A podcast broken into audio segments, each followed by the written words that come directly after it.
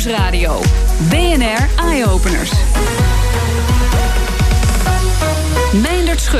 En vandaag gaan we het in eye-openers hebben over software... waarmee je kunt voorspellen wat een grote groep mensen doet bij een noodgeval. Iemand die een beetje triest is of zich eh, droevig eh, voelt... die eh, loopt typisch met 0,8 meter per seconde.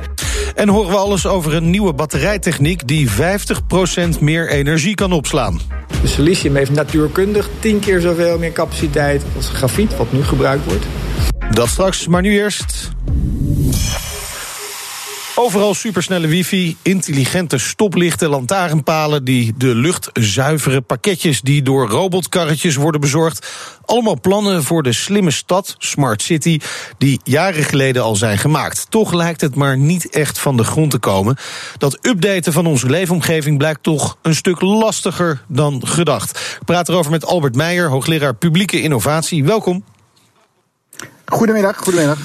lopen we op dit moment inderdaad hopeloos achter met wat eigenlijk zou kunnen en misschien wel moeten?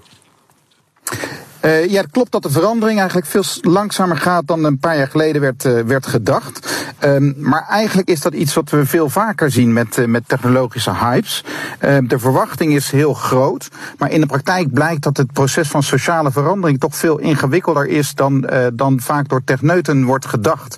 Um, dus we zien dat de, de technologie allerlei dingen al mogelijk maakt, maar dat de inbedding in de sociale praktijken eigenlijk nog veel, veel lastiger is. Hoe komt dat? Um, om, nou, dat komt omdat het te maken heeft met een aantal best fundamentele vragen. Als je bijvoorbeeld het uh, voorbeeld neemt van, uh, van de slimme straatlantaarns, de ja. smart streetlights, um, dan zie je dat het, uh, het inrichten van die lantaarns eigenlijk relatief eenvoudig is. Maar het roept ook allerlei vragen op, zoals van wie zijn nou precies die data die door die smart streetlights worden verzameld? Zijn die van het bedrijf ja. dat die lantaarns daar plaatst? Of zijn die van ons allemaal? Zijn het open data? En dat blijkt de laatste tijd toch wel een fundamenteel belangrijke discussie te zijn, hè? Ja, dat is, is, is denk ik echt een heel belangrijk, uh, belangrijk punt. Kijk, het eigenaarschap van data. We zien het met de hele discussie over, uh, um, over Cambridge Analytics en ja. Facebook. Ja, dat is toch een heel, heel belangrijk punt. Wat, uh, wat voor data wordt er verzameld? Van wie is die data? Wat betekent dat voor mijn privacy? Dus dat denk dat het technisch wel kan, maar dat het hele belangrijke vraag oproept van wat, wat willen we eigenlijk? willen we wel dat die smart streetlights allerlei data verzamelen over wie daar fietst op straat op welk, op welk moment? Um, en uh, wat moet er volgens met die data gebeuren? Dus je ziet eigenlijk dat de besluitvorming over die, over die data, die, die kost meer tijd, omdat we het met elkaar eens moeten worden over wat we met die techniek willen. Ja, die lantaarnpalen, dat is dan één voorbeeld van wat er eigenlijk al mogelijk is, maar in de werkelijkheid dus nauwelijks gebeurt. Zijn er nog allemaal andere voorbeelden te noemen? Nou, een, uh, een ander voorbeeld waar we zelf mee bezig zijn, is het, uh, het gebruik van open data. Er wordt al langer gedacht van nou, als er allerlei data over, uh, over huizen, over um, gemeentelijke, over milieu, over scholen, over allerlei soorten data die door de overheid worden verzameld, als die beschikbaar worden gemaakt, dan leidt dat tot vormen van, ja. van gebruik door burgers die op allerlei manieren behulpzaam kunnen zijn bij het aanpakken van problemen. Um, wij hebben dat bestudeerd, maar wat we zien eigenlijk is dat heel veel burgers die, uh, die zijn daar niet zo mee bezig. Die, uh, die zijn wel met andere dingen bezig. Dus het hele idee dat burgers op grote schaal actief bezig gaan met die data om maatschappelijke problemen aan te pakken, dat klinkt wel interessant. Ja. Maar in de praktijk hebben burgers wel betere dingen te doen. Oké, okay, dus wat dat betreft weinig vooruitgang gezien de mogelijkheden die er zijn. Zijn er ook zaken waar wel vooruitgang geboekt wordt? Ja, op een aantal, aantal dingen loopt het, uh, loopt het eigenlijk ook, uh, ook wel heel goed. Um, je ziet met name rondom uh, energie, smart energy, dat er een aantal hele interessante ontwikkelingen plaatsvinden. Um, hier in Utrecht hebben we bijvoorbeeld een project dat heet Smart Solar Charging, waarbij de, de duurzame winning van, van energie wordt gekoppeld aan, aan elektrisch rijden. Um, en dat is heel lokaal begonnen in de, in de wijk Lombok. En dat, dat, dat is nu allerlei manieren wordt dat opgeschaald en op veel grotere manier toegepast. En je ziet dat er eigenlijk daar toch wel heel veel, heel veel belangstelling is om, om dat uit te voeren. De, de ehm, batterijen worden gebruikt om ook de huizen bijvoorbeeld te verlichten. Ja, precies. De auto's die worden overdag kunnen ze gebruikt worden en ja. s'avonds staan ze in het algemeen voor het huis. En dan kunnen ze gebruikt worden voor de, voor de elektriciteitsvoorziening van het huis. Dus dat is een heel praktische oplossing om, om die energie zo op te slaan dat die beschikbaar is. Ehm, en het is een heel interessante manier om verschillende infrastructuren, elektriciteit en mobiliteit te koppelen. En ik denk dat, je, dat we eigenlijk zien dat uh, een aantal van die technieken die uh, concrete antwoorden opleveren voor, voor maatschappelijke vragen. Die, en die minder maatschappelijke vragen oproepen. Ja, daar lukt het wel om ze, om ze uit te rollen. Toch, toch zijn er wel, wel nog een, ja, zeg maar. Nou, er zit ook nog een fundamenteel issue bij, wat ik toch wel misschien nog even wil aankaarten. Kijk, als je kijkt wat er wereldwijd gebeurt, dan zie je eigenlijk dat er twee grote, grote modellen dominant zijn. Aan de ene kant het, eh, het Amerikaanse model, waarbij uh, bedrijven heel erg een uh, leidende rol hebben bij de inrichting van de stad van de toekomst. Dus je ziet met name bedrijven als, als Google en IBM op een enorme manier investeren in, in smart cities en allerlei ideeën hebben over hoe de stad van de toekomst eruit moet zien. Aan de andere kant zie je het Chinese model, waarbij de, de staat heel erg uh, leidend is en uh, op allerlei manieren verzamelt, uh, gegevens verzamelt over burgers en op die manier die steden slimmer wil maken. En in Europa is er veel discussie over een soort derde weg, een model waarbij burgers met name een grotere rol spelen. En dat is denk ik een heel aantrekkelijke en mooie manier om na te denken over steden.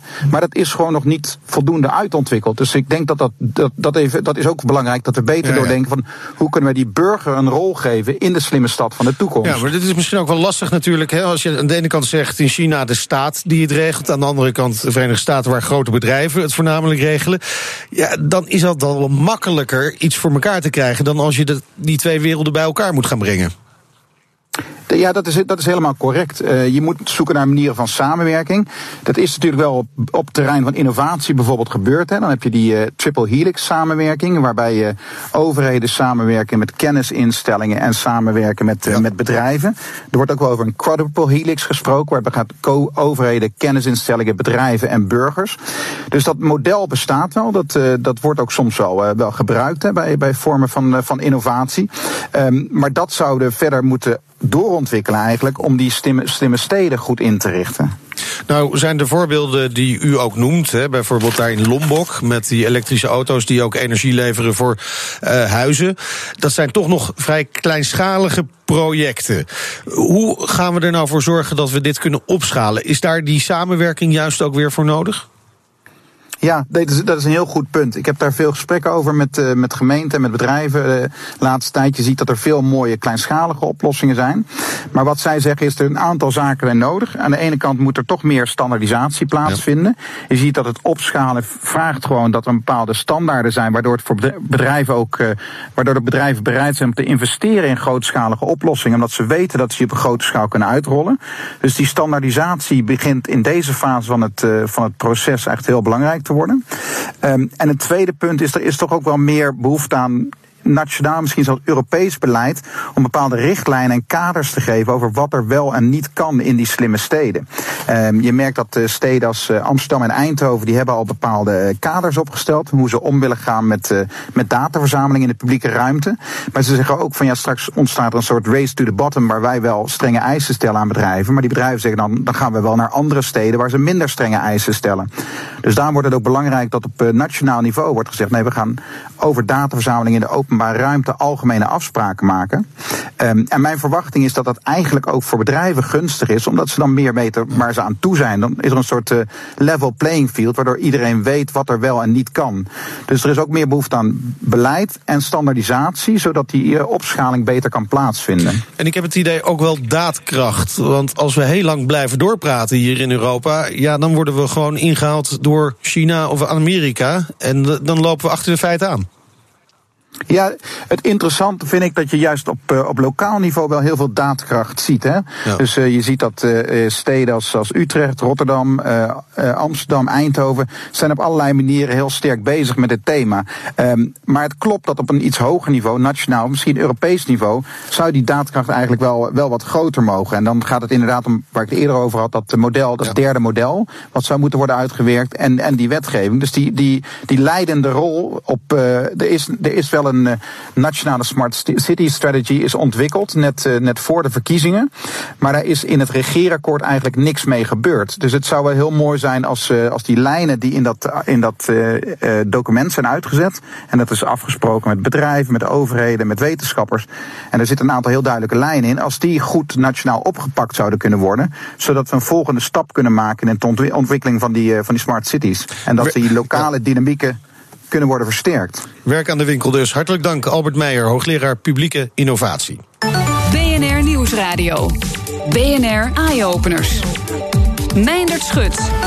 Ja, dan gaan we meteen maar door naar een voorbeeld van iets waarmee onze steden ook inderdaad een stuk slimmer kunnen worden. Een uh, nieuw soort openbare verlichting.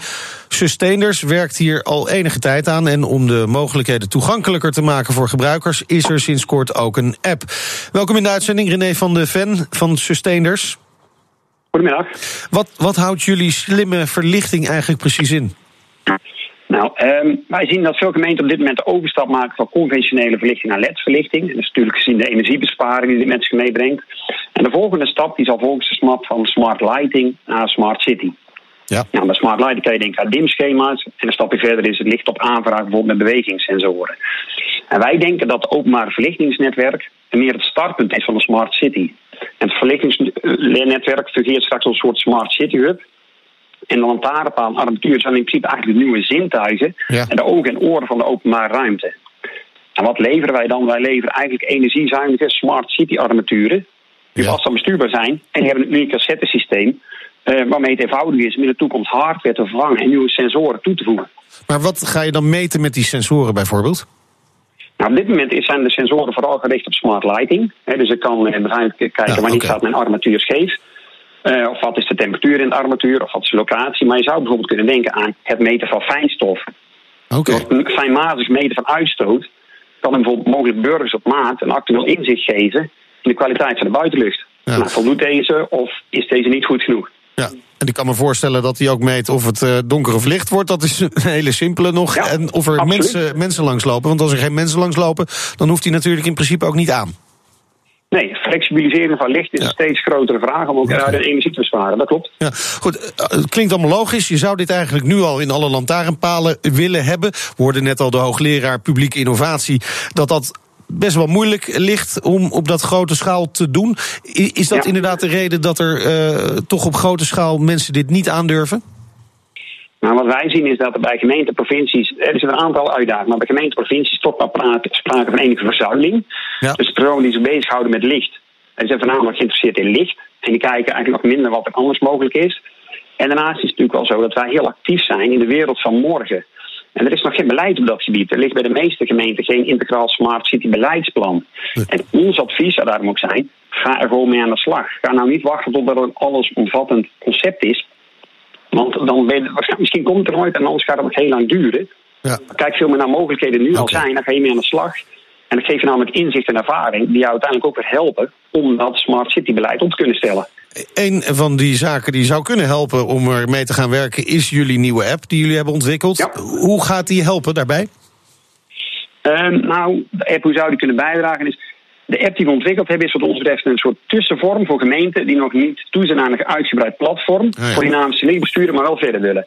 En zo kunnen ze bijvoorbeeld met de app gebruik maken van functionaliteiten van een connected systeem. En dan kun je denken aan het afstand inregelen van slimme armaturen, bijvoorbeeld dimmen van het armatuur, lichtniveau, het leveren van maatwerk op locatie bij evenementen. Bijvoorbeeld als er een festival is waar ik tijdelijk de armatuur extra fel zou kunnen laten branden of tijdelijk hem uitzetten.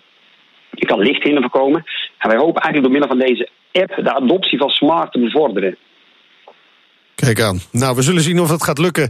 Dankzij deze app om de steden en uh, andere gemeentes slimmer te maken. Dank René van de Ven van Sustainers. En straks een nieuwe batterijtechniek en uh, gaan we het over hebben. En waar zou je naartoe vluchten als er paniek uitbreekt... in een mensenmassa waar je middenin staat? Je weet het zelf waarschijnlijk niet, maar een Utrechtse start-up, die weet het wel. BNR Nieuwsradio. BNR Eye Openers. Een van de grootste gevaren bij grote evenementen is de mensenmassa. Want hoe weet je als organisatie hoeveel mensen er komen, hoe ze zich verplaatsen en wat ze doen als er paniek uitbreekt? De Utrechtse start-up Ucrowd kan dit heel precies voorspellen. En verslaggever Nina van der Dungen die keek mee met een simulatie. Wat we zien is een, uh, een stadsomgeving met uh, 10.000 robotjes. Uh, elk robotje gedraagt zich op een bepaalde manier. Ze hebben allemaal een globaal doel. sommige lopen groepjes, sommige alleen. En ze vieren feest. Oh, explosie. En er is een explosie inderdaad. je ziet dat een aantal robotjes overleden zijn... en andere robotjes die proberen snel een uitweg te vinden in de stad. Roland Gerards, je bent de CTO van Ucrowd. Hoe kan jij dan weten wie waar naartoe gaat rennen? Wat, wat is dan logisch? Ja, dus uh, wat mensen vaak doen is dat ze uh, dezelfde route terugnemen als waar ze gekomen zijn. Uh, sommige mensen die kijken wat beter rond en ze kijken dan vaak naar exitbordjes. maar ook van mensen die ter plekke zijn om andere mensen te helpen. Geef jij elk persoontje, elk stipje hier op de maquette een ander karakter? Ja, dat, uh, dat doen we inderdaad. Er zijn allerlei verdelingen uh, bekend van uh, loopsnelheden. Bijvoorbeeld iemand die een beetje triest is of zich droevig voelt... die loopt typisch met 0,8 meter per seconde.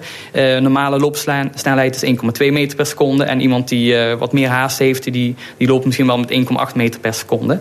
Dat soort verdelingen kan je loslaten, kan je dus toepassen op de mensen die je in zo'n systeem stopt. En, ja. en die verdeling heb je niet alleen maar voor, voor loopsnelheden, maar ook voor alle andere typen gedrag. Ja, want het, het, telt ook mee of jij alleen loopt of in een grote groep of met iemand een rolstoel of iemand een fiets aan zijn hand. Ja, dat klopt. Ja. Erik de Wilde, je bent COO van uh, Ucrowd. We hebben het nu over paniek, explosies, gevaarlijke situaties. Maar je kan hier natuurlijk veel meer mee. Ja, je kunt hier veel meer mee. Kijk, de grote kracht is dat dit op dit moment de meest, uh, de meest accurate en de snelste manier is om uh, situaties te simuleren voor waar mensen zich in de openbare ruimte bevinden, of in een gebouw of in een, station, maakt niet uit. Andere toepassingen die ook heel belangrijk zijn, is bijvoorbeeld dat je uh, niet alleen maar kijkt naar veiligheidsrisico's, maar ook naar bijvoorbeeld hoe ga ik een stad of een gebouw inrichten, nog voordat ik hem heb gerealiseerd.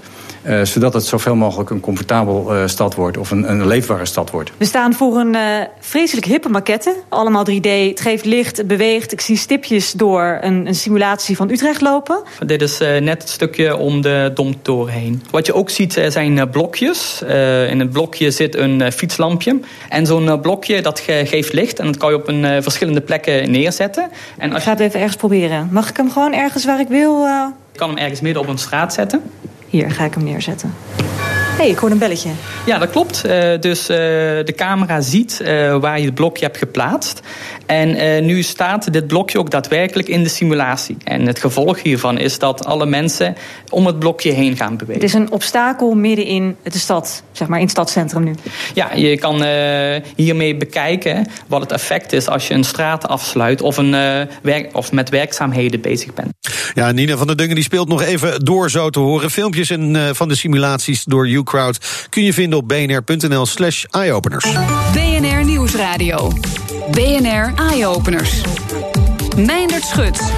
Een oplaadbare batterij in je smartphone, in de elektrische auto... als opslag voor energie van windmolens. De batterij is al een paar eeuwen oud. De laatste update was de lithium-ion-batterij in de vorige eeuw. Hoog tijd voor een revolutionaire vernieuwing, dachten ze in elk geval in Eindhoven. En daar wordt gewerkt aan een uh, nieuwe batterij met een tien keer grotere capaciteit dan tot nu toe mogelijk was. Verslaggever Roger Dankelui krijgt uitleg van Christian Rood van Leidenjar Technologies. Ja, we zitten op de high-tech campus in Eindhoven. En dit is het laboratorium waarin uh, onze machine staat. Nou, een hoop ruimtes met uh, allemaal flesjes, uh, chemische processen. Het is natuurlijk een heel lastig proces, van batterij. Hè? Als je vanuit de natuurkunde naar kijkt, is het een complex proces. Maar toch gaat dat best wel goed in horten en stoten. Dus we hebben nu een lithium-ion batterij. Die is eigenlijk al sinds uh, eind jaren 90. maar die zit nu wel met een knelpunt. En dat is de knelpunt is de minlaag. Juist daar hebben wij een oplossing voor gevonden. En als dat lukt, dan kan je opeens weer 50% meer energie opslaan in zo'n batterij. Het uh, verbeterpunt wat wij hebben is dat we een betere minlaag hebben. Een minpool die in de batterij zit. Hè? Dat is de anode. En in die anode op dit moment, in de batterij die we nu gebruiken... kun je eigenlijk niet meer capaciteit opslaan. Natuurkundig is het materiaal dat daarvoor gebruikt is gewoon op zijn maximale benutting gekomen. Dus je kunt nog wel met persen en meten proberen misschien 3, 4, 5 procent per jaar dat te verbeteren. Maar de industrie lukt het niet om meer daaruit te halen. Wij hebben een heel ander materiaal wat we gebruiken. En daarmee kan je dus de energiedichtheid opeens weer 50% verbeteren. En welk materiaal is dat? Dat is silicium. Dus silicium heeft natuurkundig tien keer zoveel meer capaciteit als grafiet, wat nu gebruikt wordt. Alleen het probleem is dat silicium uitzet als je dat gebruikt als eh, batterijmateriaal. Wel tot 300, 400 procent. Nou, dan gaat het eigenlijk na een paar keer opladen gaat het al kapot. Dat lijkt me inderdaad heel erg uh, lastig. Ja, dus de industrie gebruikt een beetje siliciumpoeder... en kijkt op die manier of ze het een beetje kunnen verbeteren. En wij hebben eigenlijk per ongeluk een materiaal uitgevonden dat poreus is. En die porositeit werkt eigenlijk als een soort spons. Dus ons materiaal zwelt ook, maar omdat het een soort sponsstructuur heeft, vangt het dat zwellen op. En bij ons blijft het dus heel. All the water is coming into the vacuum vessel. So how do we do this? Um, best way you use uh, compressed air and then you can train all the water out. Nou, druk overleg, want er wordt echt op dit moment gewoon echt aan gewerkt, hè? Ja, het is heel pragmatisch soms, hè? dus het is een ingewikkeld proces. Maar soms gaat het over uh, uh, moeren en bouten. En, uh, nou, daarom heb je zowel doktoren nodig om dit tot een succes te brengen... als heel pragmatische mensen die, die slimme oplossingen kunnen bedenken die werken. De batterij al kunnen testen of is het nou echt nog in echte ontwikkelfase? Nee, we hebben vorig jaar in oktober een belangrijke test gehaald. En dat is het maken van een soort simpele prototype batterij. Je zou kunnen zeggen de simpele vorm van de batterij die ook in je smartphone zit. Daarmee hebben we aangetoond dat het goed werkt. Dus dat we in ieder geval 100 keer kunnen laden en ontladen op een hele hoge capaciteit. We willen graag langer kunnen rijden eh, op één oplaadbeurt. We willen ook graag dat de kosten per kilometer lager worden. Dus daar is het echt cruciaal voor. Maar ook voor opslag van duurzame energie willen we graag dat het uh, goedkoper wordt. En omdat wij meer energie kunnen opslaan, wordt dus de kosten per kilowattuur ook lager. Dan. Christian Rood in gesprek met verslaggever Roger Dankerlui. BNR Nieuwsradio. BNR Eye-Openers. Meindert Schut. Tijd voor de beste technieuwtjes vanuit de hele wereld. Daarvoor spreken we zoals elke week met tech- en innovatie-expert Elger van der Wel. Elger, welkom in de studio. Goed Ja. dat je er bent. Ja. Eh, we beginnen met een eh, mooi voorbeeld van slimme verlichting in de stad, opnieuw. Eh, maar bij deze lantaarnpaal zit het hem vooral in de manier waarop het licht wordt gemaakt. Nee, eigenlijk wordt opgeslagen. Want het Oh. is een lantaarnpaal op zonne-energie. Nou, die hebben we inmiddels al meer gezien. Maar ehm, eh, de, de zonne-energie wordt opgeslagen in een oude accu uit de Nissan Leaf. Oh. Het is natuurlijk een probleem met elektrische auto's. Dat die accu's eigenlijk al na een paar jaar, jaar of vijf tot tien, eigenlijk op zijn. Tenminste, op om in een auto te gebruiken. Omdat Ja. ze echt maximaal moeten kunnen presteren. Maar nog jarenlang gaan die verder achteruit. Maar kun je ze best nog in een andere toepassing gebruiken. Bijvoorbeeld in een lantaarnpaal. Dat doet Nissan. The Light Reborn gaan ze testen in eh, Nami in Japan. Een stad die eigenlijk helemaal eh, leeg is gehaald naar ehm, de kernramp daar. Fukushima, daar in de buurt. En nu eh, een heel mooie plek om, eh, om, met accu's. Ja, en om nieuwe dingen te proberen. En toen- ze hebben ook al andere, ze hebben ook al een huis eh, eh, Ja. accu gemaakt bij Nissan op basis van Ja. de Leaf. Ze zijn Ja. echt wel mee bezig. Hoe kunnen we, kunnen we dat goed voor het milieu Ja, weer, eh, dus weer opnieuw nadeel heeft zijn gebruiken? voordeel, zoals Johan Cruijff zei. En Johan Cruijff eh, Arena doen ze het ook, hè, met die Leaf-accu's. Ja. Ja. ja, dus, nou, mooi. Een eh, leuke gadget dan voor mensen die graag aan onderwatersport doen. Een aquajet. Ja, je moet, je moet zien als een soort, een soort vleugel met, een, met zo'n grote propeller op de achterkant. Waar je aan kan hangen. En dan kan duiken tot Maar hij is 20 James meter. Eh, ja, precies. James Bond. 20 meter diep, 9 kilometer per uur. Da, ja, dat is niet super hard, maar onder water is dat best wel hard. Kan ik je vertellen. Ehm, en een accu die 100 minuten mee kan. Dus je kan ook echt even onder water blijven. Ik denk dat je zo lang je adem niet in kan houden. Dus, eh, Ehm, en uiteraard, het is natuurlijk een gadget, dus je Ja. kan een GoPro eraan hangen om te Oh, filmen. ja. Eh, het is een Kickstarter-project, dus of die door de markt komt, afwachten. Maar als je hem wil, je kan nu, als je Oh, snel bent, nog voor 750 dollar. Dat is eigenlijk Dat best weinig. wel mee, ja. kun, je, kun je er een bestellen. Cool. Voor vakantie. Dan een eh, innovatie die echt wel te gek is, vind ik. Een sensor voor in je mond die meet wat je binnenkrijgt. Nou ben ik toch heel benieuwd waar je die precies moet gaan laten dan. Heb ik een tip voor je? Hij is heel klein. 2 mm. Gewoon in je, kies, eh, in, in je gat in je kies duwen. Nou, hij is op, de, op, je, op je tand kun je Oh, plakken. op je tand. Ehm, en grap is, hij, hij meet dan gewoon eigenlijk de stoffen die binnenkomen in je mond. Dus suiker, zout, eh, maar bijvoorbeeld ook alcohol. En dan hoeveel ervan. Nou, dat, dat stuurt hij draadloos. Ja, er zit een, een draadloos dingetje in die 2 mm.